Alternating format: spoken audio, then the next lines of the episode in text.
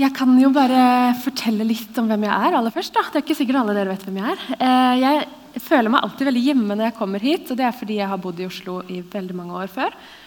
Gått her i Misjonssalen lørdag etter lørdag, etter hvert noen søndager òg. Og bare dette er å komme hjem, da. Til og med jobba her et par år.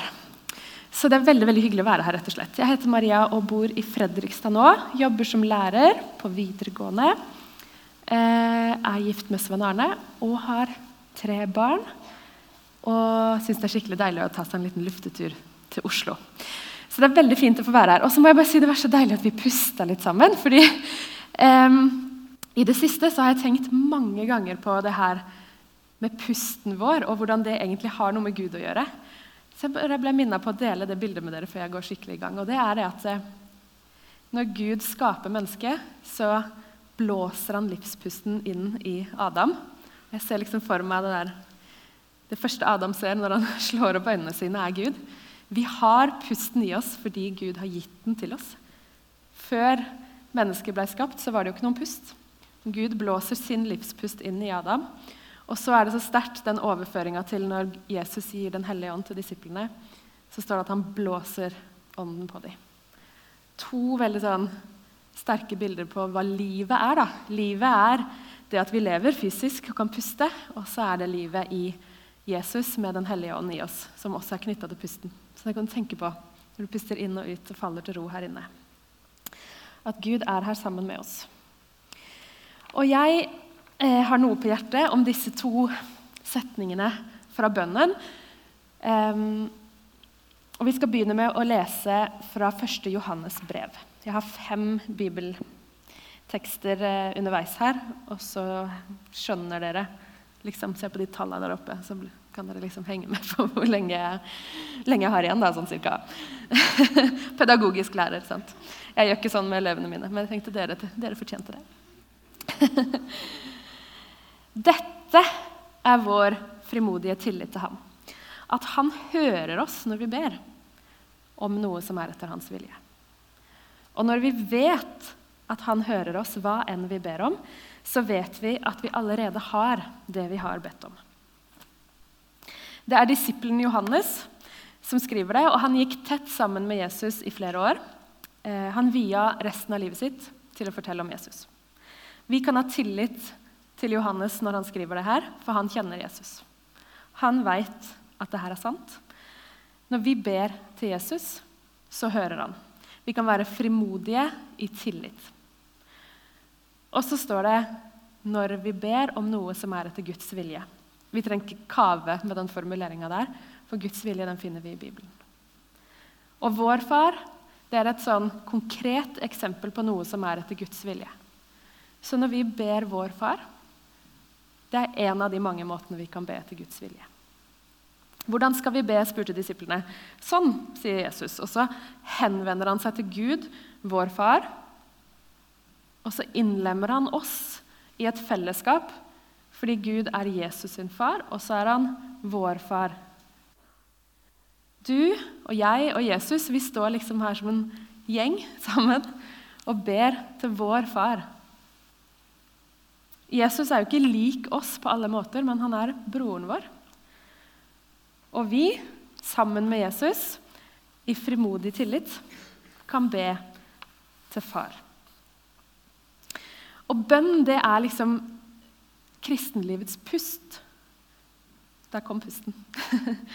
Det er den store gaven som vi har invitert inn i når vi tar imot Jesus som frelser og herre. Når vi tror på Jesus og har lyst til å leve med han, så ligger bønnen der. Så har vi tilgang til Gud gjennom Jesus. For det var det Jesus gjorde når han frelste oss. Han åpna veien inn til Guds nærhet for oss. Og bønn er et sånn helt konkret eksempel på det nær, nære fellesskapet vi har fått med Gud. Du kan snakke til Gud, du kan lytte til Gud, og du kan frimodig komme med hele deg, med alle orda dine, og med alt det du ikke finner språk for. For noen ganger er det sånn at vi bare kan si 'Her er jeg, Gud. Jeg vet ikke helt, jeg'. Og så kan vi vite at han er nær oss, og at han lytter, og at han bryr seg, og at han elsker oss. Så hver morgen når jeg våkner, før jeg slår opp øynene, nesten, i hvert fall før jeg går ut av senga, så sier jeg hei, Gud. Takk for den dagen her. Du ser at jeg trenger deg i dag. Det kjenner jeg på hver eneste dag.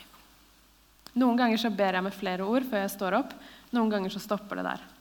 Å leve sammen med Jesus etter alle disse åra jeg har hatt som kristen nå, det har blitt like naturlig for meg som å puste. Det er livet mitt. Ikke den systematiske, iherdige bønnen, eller at jeg liksom ja, søker Gud inderlig i bønn, men den bønnen som liksom er en del av hverdagen. Gud er her sammen med meg hele tida. Jeg kan snakke med han når som helst. Når jeg har andakter for unger, så pleier de å le seg i hjel av tanken på at de kan snakke med Gud på do. Men vi kan jo det. Vi kan snakke med Gud hvor som helst. Gud er her sammen med oss. Sånn at når jeg går gjennom dagen og så leser jeg skremmende nyheter på telefonen, eller jeg blir bekymra for noe jeg tenker på, eller jeg blir stressa for noe, eller jeg veit ikke hva jeg skal gjøre, så er Gud der én tanke unna. Og det det egentlig handler om, er å være bevisst på det. Og det her handler jo ikke om at jeg er en sånn perfekt kristen, men det handler om at jeg har sagt til Gud at jeg ønsker å leve nær deg, og så har han dratt meg sånn nær at det føles naturlig. Etter mine 20 år med en bevisst tro, mer enn 20, så har den trospraksisen som bønn er, da, den har blitt en sånn naturlig del av dagene mine. Gud er her i meg og med meg. Og det er du også invitert inn i. Så hvis du kanskje bare skal ta med deg én ting fra det jeg skal si i dag, kanskje det er dette At du også kan få vokse inn i det å be til Gud når som helst, hvor som helst. Når du åpner øynene, og før du legger, legger deg igjen på kvelden. Og Jeg hadde lyst til å begynne der. Og så har jeg lyst til å fortsette med at det er på en måte noe felles for de to formuleringene som vi skal snakke om i dag. I bønnen som Jesus lærer oss. Og Da har jeg med bibelverset fra 1. Mosebok 35, 11, hvor Gud sjøl sier 'Jeg er Gud, den allmektige'. Det er ikke så mange steder Gud liksom sier noe om sine egne egenskaper og sine egne navn, men det gjør han til Jakob i 1. Mosebok 35. 'Jeg er Gud, den allmektige'. Og så er vi vår far. og så, For min del så er det ikke en bønn jeg ber hver eneste dag, men jeg kan den. Selvfølgelig. Og jeg har flere ganger tenkt over hva hver enkelt formulering betyr. Eh, for Gud, om Gud, og om meg og for meg. Og så er det sånn at Mannen min og jeg vi bytter på å legge ungene. Vi har tre barn. og da er det sånn, Du er all in på tre barn, eller så er du helt fri. Så hver eh, ah, i, i, den ideelle verden er det jo annenhver kveld, men mannen min vinner. Han legger oftest. Men når det er min tur, da ber jeg vår far tre ganger i løpet av én time. sånn at det, snittet mitt på hvor mange ganger jeg har bedt den, begynner å bli ganske høyt. da. Og det gjør jo også at barna mine på 5, 8 og 10 de begynner å stille ganske mange sånne spennende spørsmål, fordi det er jo et litt rart språk for barna. Um, det er mange sånne voksenord i vår far. Og det å stoppe opp ved de orda, det lærer meg så mye når de spør. At vi liksom kan grave litt i hva det egentlig dette betyr. Og så tror jeg egentlig at Det er noe av det viktigste vi gjør. Å stoppe opp sånn som vi gjør nå. Og ha et sånn bevisst forhold til hvordan det vi leser i Bibelen, det former vår forståelse av Gud. Noen ganger så må gudsbildet vårt korrigeres litt, fordi vi har kanskje pynta litt på det. Og så mange ganger så opplever jeg at det blir så rikt på nyanser og dybder av at vi blir bedre kjent med Gud gjennom det vi leser. Og Felles for de to bønnene i starten av Vår Far det er at de sier noe om hvem Gud er.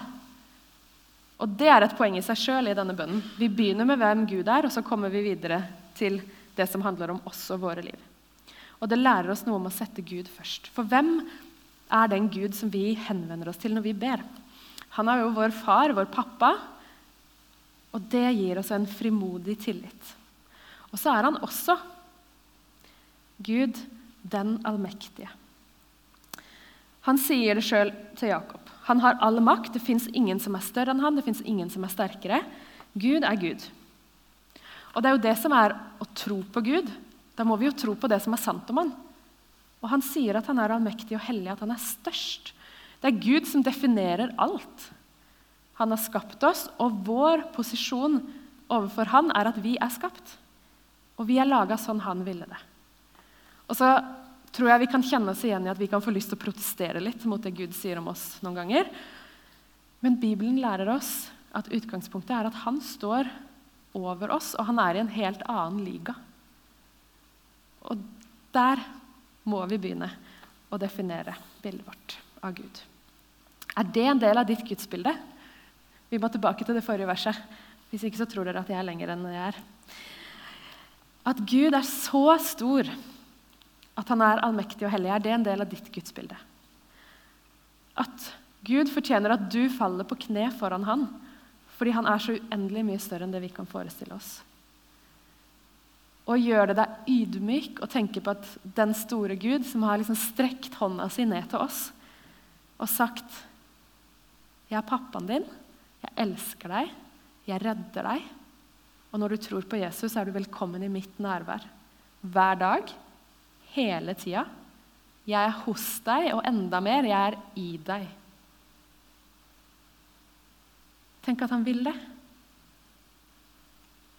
Så gudsbildet vårt er liksom avhengig av begge disse sidene.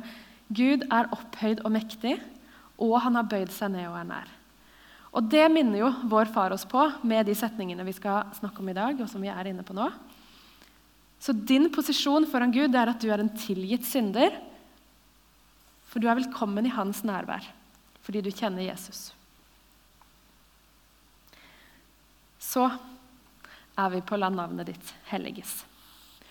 Du skal ikke ha andre guder enn meg. Du skal ikke misbruke Herren din Guds navn, for Herren frikjenner ikke den som misbruker hans navn. Dette her er jo bibelversa som er samla i de to første av de ti buda. De buda som Moses fikk på Sinai-fjellet, som er essensen i hvem Gud er, og hvordan vi skal leve livet våre. Og da står Gud overalt. Ingen skal tulle med Gud. Han fortjener all vår respekt. Og så lærer Jesus oss la navnet ditt helliges. Eller sånn som yngre versjonen av meg lærte når jeg var liten, som Julie var inne på. Når vi ba Fader vår, der er formuleringa 'La ditt navn holdes hellig'. Og jeg liker litt det ordet 'holdes', fordi den på en måte gjør noe med at vi må være litt aktive. Um, I Vår Far i denne setningen så ber vi om at vi skal klare å holde Guds navn hellig. Det er noe vi skal gjøre. Og hellig det betyr at det er adskilt, det er noe rent og opphøya. Um, noe perfekt. Og Gud han har liksom den posisjonen som er helt annerledes enn vår, og han fortjener ære og respekt. Og Bønnen den inviterer oss til å forstå at Gud er en vi skal ha ærefrykt for. Vi bruker ordet gudsfrykt. I synsbekjennelsen sa vi 'frykte og elske'. Og Det handler om å forholde oss til Gud som den han er, sånn som han fortjener det, med den respekten han fortjener. Og så kan vi tenke men han har vist oss så mye nåde og kjærlighet gjennom Jesus. Men det visker ikke ut Guds hellighet. Det var ikke sånn at han bare forandra seg sjøl for å bli nådig og kjærlig og tenke nei, men det er ikke så farlig, jeg skal bare være grei med det i stedet. Det er jo ikke det som skjer. Han er fortsatt hellig og allmektig, og det gjør nåden og kjærligheten så uendelig mye rikere. For han sier ikke bare 'jeg tar lett på den synda' og unnskylder den. Han, han, ser alt vi ikke strekker til med, alt vi ikke klarer, alle de gangene vi velger det onde. Og så tar han det på alvor. Og så løser han problemet for oss. Han tar aldri lett på det. Han tar det skikkelig på alvor. Så når Jesus lider, dør og seirer for oss, så er det smertefullt. Det er en høy pris fordi han tar vår utilstrekkelighet på alvor. Og i Jesus, når vi tror på han, så vet vi at vi trenger hans redning. Vi stoler på det Jesus sier. Da kan vi møte den hellige og allmektige Gud. Og det blir jo ikke skummelt, fordi da er vi i Jesus. Vi er rene, vi er rettferdige, og vi er hellige i Jesus. Vi kan møte den hellige Gud. Intet urent øye kan se Guds herlighet. Men vi er rene i Jesus. Så vi kan se Guds herlighet. Og Gud er for evig den samme. Uendelig stor, verdt at vi holder Hans navn hellig, har dyp respekt for Han. Og så handler det om hjertet vårt. At vi i hjertet vårt ikke er stolte eller påstår at vi er bedre eller noe annet enn det vi egentlig er, men at vi i hjertet vårt bøyer oss ned for Gud og sier, 'Du er stor, jeg er liten'. Og hva betyr det for oss da, i det daglige å be den bønnen her? La navnet ditt helliges. Jeg tenker at Det handler om hjertet vårt, om innstillinga vår. Det handler om å ære Gud med forståelsen vår av hvem han er. Om å bygge opp det sanne og sunne gudsbildet. Det handler om å ære Gud og den han er, med språket vårt. Hvordan snakker vi? Og ikke banne og ikke baksnakke.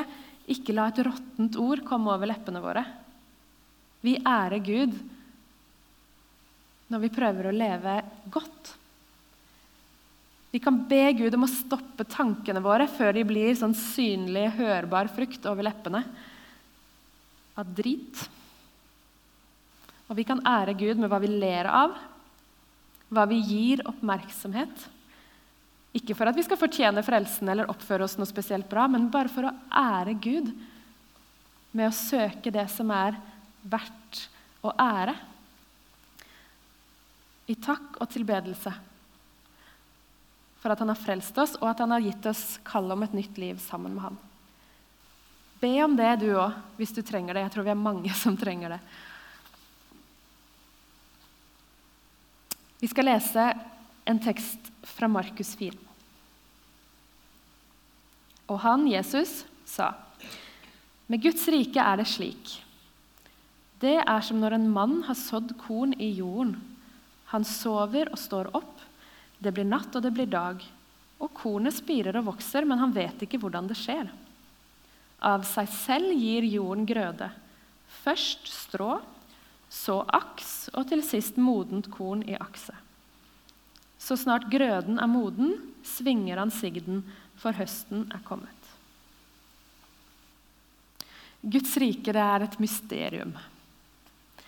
Det vokser uten at vi ser det, uten at vi vet hva som skjer, uten at vi gjør noe. Når vi putter noe i jorda, så vokser det opp. Det er Guds rike. Det er han som gjør noe. Så når vi ber 'la riket ditt komme', vi ber 'la Guds rike komme', hva er det det betyr? Noe av det første Jesus sier, er 'tiden er inne, Guds rike er kommet nær', vend om, tro på evangeliet'. Det sier han i Markus 1, altså ganske tidlig. Første kapittel om Jesus. Det er Jesus som er Guds rike. Guds rike har kommet nær. Jeg er her, og jeg er Guds rike, sier Jesus. Og han åpner Guds rike for oss. Guds rike var nær fordi Jesus var der, der han sa det.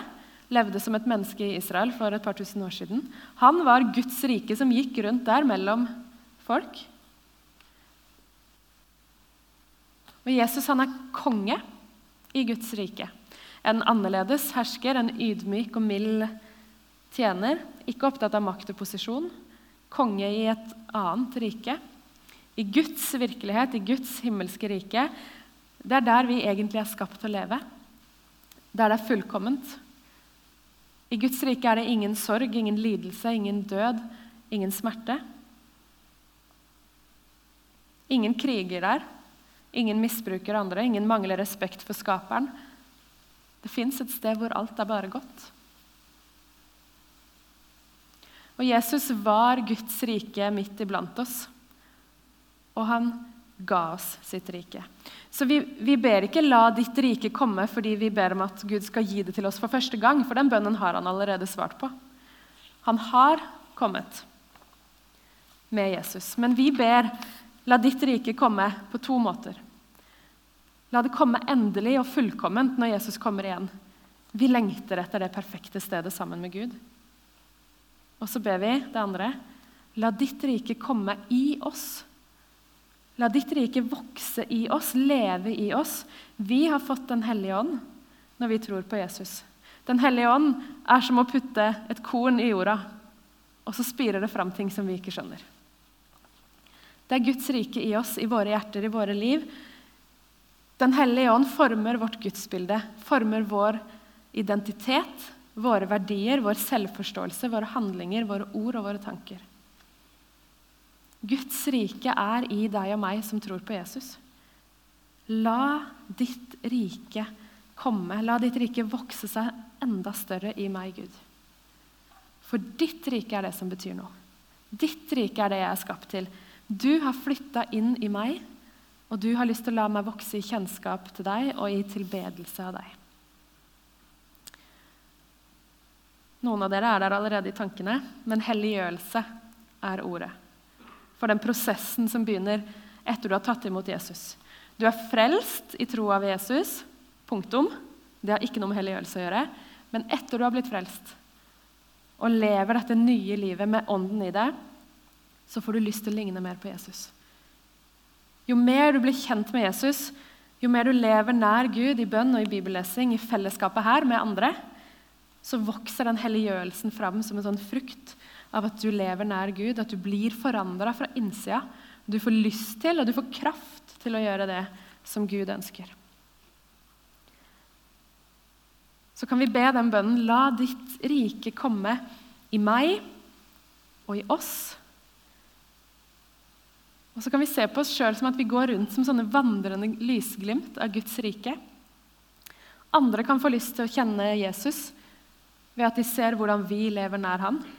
Det smitter over på andre kristne òg. Hvis du er en sånn som leser mye i Bibelen, så vekker det en lengsel hos andre òg. Skal jeg love deg. Andre kan få se at vi kan liksom stråle Guds kjærlighet videre. Og livet ditt betyr noe fordi du er i berøring med. Og hver gang du ber den bønnen 'La ditt rike komme', så gjelder det deg. Noe i deg. Og så gjelder det Gud. For det er det han er verdt å lengte etter. Hans rike er verdt å lengte etter. Jeg har lyst til å dele noe fra mitt liv til slutt som har eh, en del med dette her å gjøre. Jeg skal begynne med å lese et bibelvers fra Jesaja 46. Her er det Gud som snakker, og Gud som er jeget. Jeg er Han, helt til dere blir gamle. Jeg vil bære helt til håret er grått. Jeg har alt gjort det. Jeg løfter, jeg bærer og berger. Det å kunne henvende seg til en allmektig Gud når livet stormer, det har vært ekstremt trosstyrkende for min del. Gjennom flere faser i livet. Jeg er evig glad og takknemlig for at Gud er så stor, at han er så mektig, at han har seira over alt vondt for meg. Det betyr jo ikke at vi blir spart for vonde ting i livet. Bibelen lover oss ikke det, men den lover at Gud er her sammen med oss. Og ikke den der søte, koselige versjonen. Jeg har sittet og skrevet adventsandakter i det siste. Og det er Jesusbarnet i krybben. Det er en veldig koselig Gud. Men så er jo Jesus noe mye mer enn det der lille barnet i krybben. Og den ekte, sterke, mektige Gud. Jesus på korset, som går i dødsriket for å overvinne ondskapen. Den brølende løva, som Bibelen omtaler det som. Den allmektige Gud. Det er han vi har med å gjøre. Og så har livet liksom spent bein på meg noen ganger. Eh, noen av dere har sikkert hørt det før. Jeg deler om berg-og-dal-baner jeg, på Instagram, eller hvis noen gir meg en mikrofon. Fordi jeg tror det er så mye kraft i det å dele ærlig liv med hverandre. Når vi også kan peke på Gud i samme slengen. Fordi det er en egen trøst i det å kjenne seg igjen i andres drit. Da jeg var student, gikk her i Misjonssalen, ble jeg utbrent. Delvis fordi jeg elska å være engasjert i ting her i Misjonssalen f.eks. Først ble jeg sengeliggende ganske lenge. Så ble jeg varig redusert til varte kanskje to år. Da jeg var gravid med de to yngste barna våre, så ble kroppen min liksom fengsla av smerte. Jeg, jeg, kunne ikke bevege meg. Jeg var bare hjemme. Det var verdt det til slutt, men der og da var det helt forferdelig. Livet stoppa opp. Og For snart to år siden nå så fikk jeg korona. Og livet har vært ganske dritt siden da. Det er mye som er fint, da. Det går sakte, sakte fremover med meg, men at jeg er her i kveld, det er en milepæl for meg. Og i det hele tatt kunne gjøre noe sånt. Jeg er ganske redusert fortsatt, jobber veldig redusert. Jeg veit ikke om jeg noen gang blir frisk igjen. Det er ganske mye jeg lengter etter å gjøre. Jeg savner å være sosial på kveldene, jeg savner å jobbe mer. Jeg savner å orke å kunne være mer med barna mine, eller at jeg kan ha mindre smerter i kroppen. Poenget mitt er ikke at jeg skal stå her og dvele ved hvor kjipt livet mitt har vært eller er. Livet er ikke perfekt, og det er ikke deres liv heller. Og Vi har noen sånne ting felles, og dere kan se rundt på hverandre og tenke at alle her har det så bra, men ikke la deg lure til å tro det. For alle vi her inne har våre ting som vi strever med. Det kan være psykisk eller fysisk, det kan være relasjoner, det kan være selvbilde, det kan være sorg, det kan være smerter, det kan være frykt for ting. Alle har vi noen ting som vi bærer på gjennom livet. Også den som sitter ved siden av deg, selv om du ikke vet det. Og mitt vitnesbyrd inn i det ødelagte livet vi lever, er at den allmektige og hellige Gud han ser det, og han bryr seg, og han bærer. For han har kommet nær. Hans rike er her, i oss, iblant oss. Og rundt oss. Når jeg ikke orker å be, da ber andre for meg. Hvis jeg har vært åpen om at jeg trenger det. Vi kan bære hverandre. Og så sier Gud til oss, 'Kom, du som strever og bærer tunge byrder. Jeg vil gi deg hvile.' Og han som har all makt, har jo selvfølgelig makt til å gi deg hvile. Og det er der jeg har fått oppleve at jeg er også nå, når livet er i en rar fase. At Gud gir hvile i det. Den første gangen livet liksom stoppa opp og jeg ble utbrent, da var det skikkelig vondt og tungt å slippe taket og bare Hvem er jeg nå? Jeg klarte ikke å gjøre noe av det som definerte meg. Jeg følte meg verdiløs når jeg lå i den senga på et mørkt rom og ikke kunne være sammen med venner og ikke kunne være i menighet og ikke kunne tjene og ikke kunne jobbe og ikke kunne studere. Da lærte Gud meg Maria, din verdi er ikke avhengig av noe av det her. Om du blir liggende her i dette mørke rommet resten av livet ditt, så er din verdi den jeg gir deg. Og du er mitt høyt elska barn. Og jeg går aldri fra deg. Og jeg falt til ro i det. Det var en lang og vond prosess å komme dit.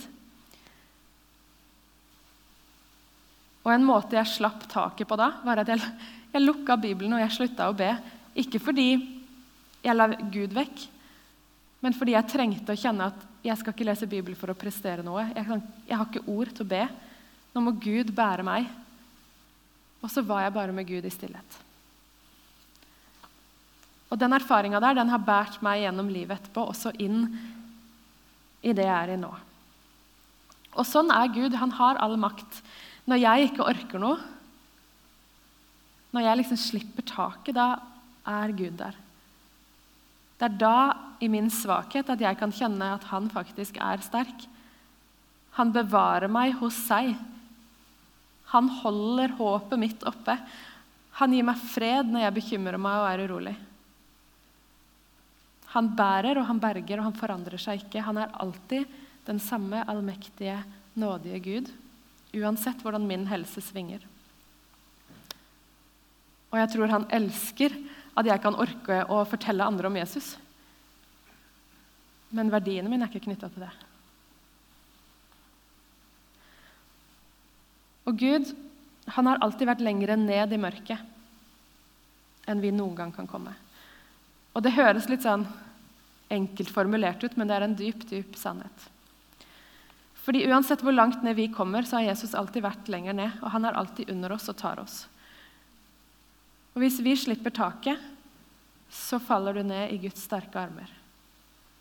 Og han er sterk for deg, og han er sterk i deg. For du har han i deg. Og det minner vår far meg på, igjen og igjen, at Gud er den som har all makt, også til å gjøre vonde ting til noe godt, også til å bære oss når vi faller. Og så står det et vers i Bibelen som passer så utrolig godt inn i denne bønnen her. Søk først Guds rike og hans rettferdighet, så skal du få alt annet i tillegg. Vår Far, vi kommer til deg, og jeg ber om at vi kan få holde deg og ditt navn hellig gjennom hvordan vi lever livet våre. Og jeg ber om at vi kan få lyst og lengsel etter å gjøre det ved at du forandrer oss fra innsida og ut.